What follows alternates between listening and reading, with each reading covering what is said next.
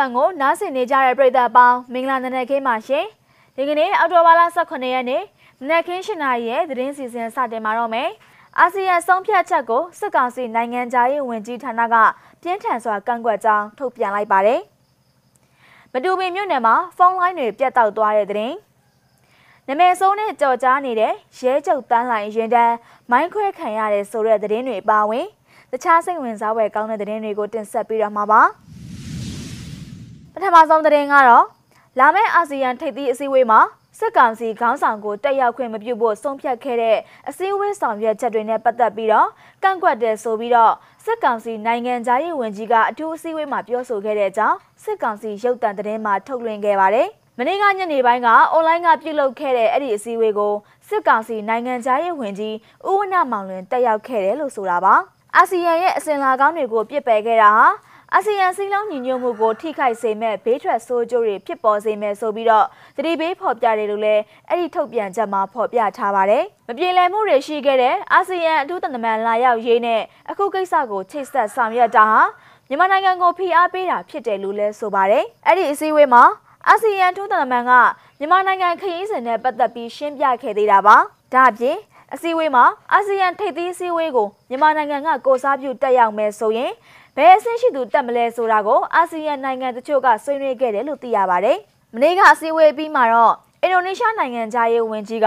ဒီအစည်းအဝေးကိုနိုင်ငံရေးကိုစားမပြုတဲ့အဆင့်ရှိသူတက်ရောက်ဖို့အဆိုပြုခဲ့တယ်လို့သိရပါတယ်ရှင်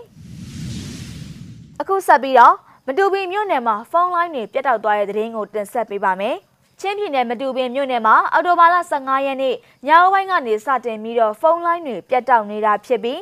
စစ်ကောင်စီတပ်ရဲ့စီးပွားရေးလုပ်ငန်းတစ်ခုဖြစ်တဲ့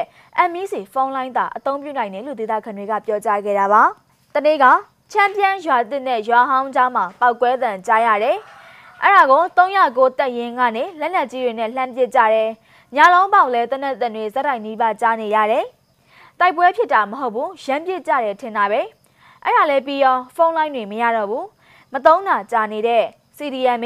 MEC ဖုန်းနဲ့ဆက်သွယ်ကြည့်ရတော့ တုံးလို့ရနေတယ်လို့မတူပီဒေသခံတအုပ်ကပြောကြားခဲ့တာပါမတူပီမြို့နယ်မှာဖုန်းလိုင်းအဖြစ်နဲ့တယ်လီနော်မိုင်တဲနဲ့ MBD ဖုန်းလိုင်းတွေကိုသာအဓိကထားအသုံးပြုကြတာပါ MEC ဖုန်းလိုင်းဟာစစ်ကောင်စီတပ်ရဲ့စီးပွားရေးလုပ်ငန်းတစ်ခုဖြစ်တဲ့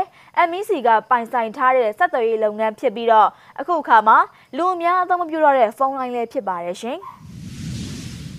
အခုဆက်ပြီးတော့ နမဲစိုးနဲ့ကြော်ကြားနေတဲ့ရဲချုပ်တန်းလိုင်ရင်တန်းမိုင်းခွဲခံရတဲ့တဲ့ရင်ကိုတင်ဆက်ပေးပါမယ်။စစ်စင်ရေးအတွက်အနောက်မြောက်တိုင်းစစ်ဌာနချုပ်ကိုတွားရောက်ကုတ်ကဲနေတဲ့ရဲချုပ်တန်းလိုင်းလို့လူသိများတယ်။ဒုတိယဗိုလ်ချုပ်ကြီးတန်းလိုင်းရဲ့ကားမိုင်းဆွဲတိုက်ခိုက်ခံရပြီးတော့ရဲတွေအသေးပြောက်ရှိခဲ့တယ်လို့ဒေတာတွင်းမှာရှိတဲ့ကာကွယ်ရေးတပ်မဟာမိတ်ဖွဲ့ကထုတ်ပြန်လိုက်တာပါ။အမတ်6စစ်စင်ရေးအထူးတပ်ဖွဲ့မှုဒုတိယဗိုလ်ချုပ်ကြီးတန်းလိုင်းရဲ့ရင်တန်းဟာအော်တိုဘာလ16ရက်နေ့မနက်9:00နာရီကျော်က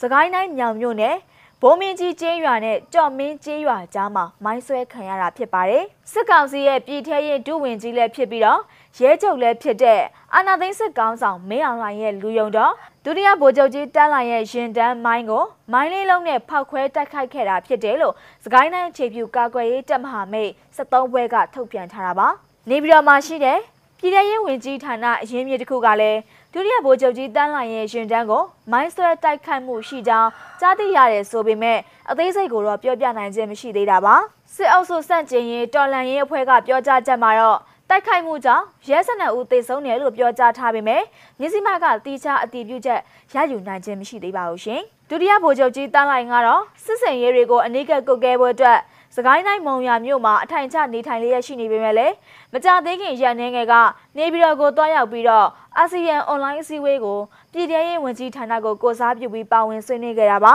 အဲ့ဒီစီဝေပွဲပြီးမှတော့စကိုင်းကိုပြန်လာခဲ့တယ်လို့သတင်းရင်းမြစ်တွေကပြောကြားချက်အရသိရတာပဲဖြစ်ပါတယ်ရှင်။အခုဆက်ပြီးတော့မန္တလေးတိုင်းကသတင်းတပုတ်ကိုတင်ဆက်ပေးပါမယ်။စစ်ကောင်စီတပ်ကဖိအားပေးခံခဲ့ရပြီးရဲ့နောက်မှာတော့ မန္တလေးတိုင်းဒေသကြီးအတွင်းဒုတိယအကြီးဆုံးဖုံးတော်ကြီးတင်ပညာရေးကျောင်းဖြစ်တဲ့ကြောက်ဆယ်မျိုးကစင်ဖြူချက်ပရဟိတဖုံးတော်ကြီးတင်ပညာရေးကျောင်းဆရာတော်က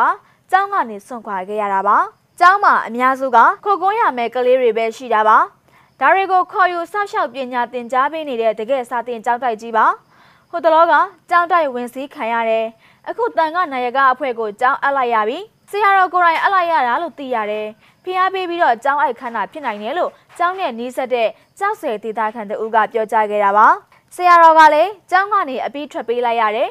ကျောင်းထိုင်ကြီးတစ်ခုလုံးကိုလည်းတန်ခနာယကလက်ထဲထိုးအပ်လိုက်ရတယ်မိဘမဲ့ကလေးတွေကိုတော့ဆရာတော်ကဆက်လက်ဆောက်ရှောက်ပေးသွားဖို့ရှိရလို့ကြားပါတယ်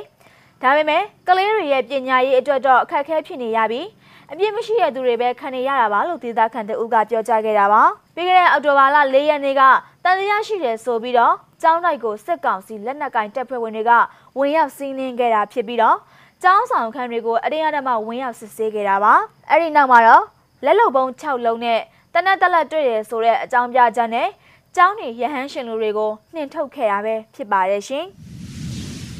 နောက်ဆုံးသတင်းတစ်ပုဒ်ကတော့ ဖားကန်ပြည်သူတွေကဆရာနာရှင်အမြင့်ပြတ်ချေမုံရေးခြိတက်ဆန္ဒပြခဲ့ကြပါတယ်ဆန္ဒပြပြည်သူတွေက KIA နဲ့ PDF တိုက်ပွဲတိုင်းမှာနိုင်ပါစေ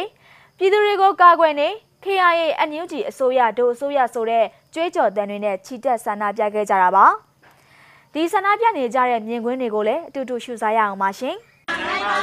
ပြည်သူမျိုးချစ် PDF တိုက်ပွဲတိုင်းမှာနိုင်ပါစေပြည်သူမျိုးချစ် KIA တိုက်ပွဲတိုင်းမှာနိုင်ပါစေပြည်သူ မျိုးချစ် PDF တိုက်ပွဲတိုင်းမှာနိုင်ပါစေပြည်သူမျိုးချစ် KIA တိုက်ပွဲတိုင်းမှာနိုင်ပါစေပြည်သူမျိုးချစ် PDF တိုက်ပွဲတိုင်းမှာနိုင်ပါစေအကယ်၍ကျမ်းမာပါတိုက်ပွဲတိုင်းမှာနိုင်ပါစေပြည်သူမျိုးချစ် KIA တိုက်ပွဲတိုင်းမှာနိုင်ပါစေပြည်သူမျိုးချစ် PDF တိုက်ပွဲတိုင်းမှာနိုင်ပါစေအပြည်သူတွေကိုကောင်းပါလေ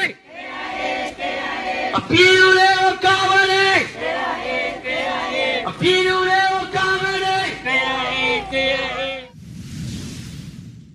အော်တိုဘာလ18ရက်နေ့မနက်ခင်း7:00နာရီထိနောက်ဆုံးရရှိထားတဲ့သတင်းတွေကိုတင်ဆက်ပေးခဲ့တာပါ။နားဆင်ပေးခဲ့တဲ့အတွက်ကျေးဇူးတင်ပါတယ်။အားလုံးပဲကျမ်းမာရှင်လန်းနဲ့တနစ်တာခရီးကိုဖျက်ဆီးနိုင်ကြပါစေရှင်။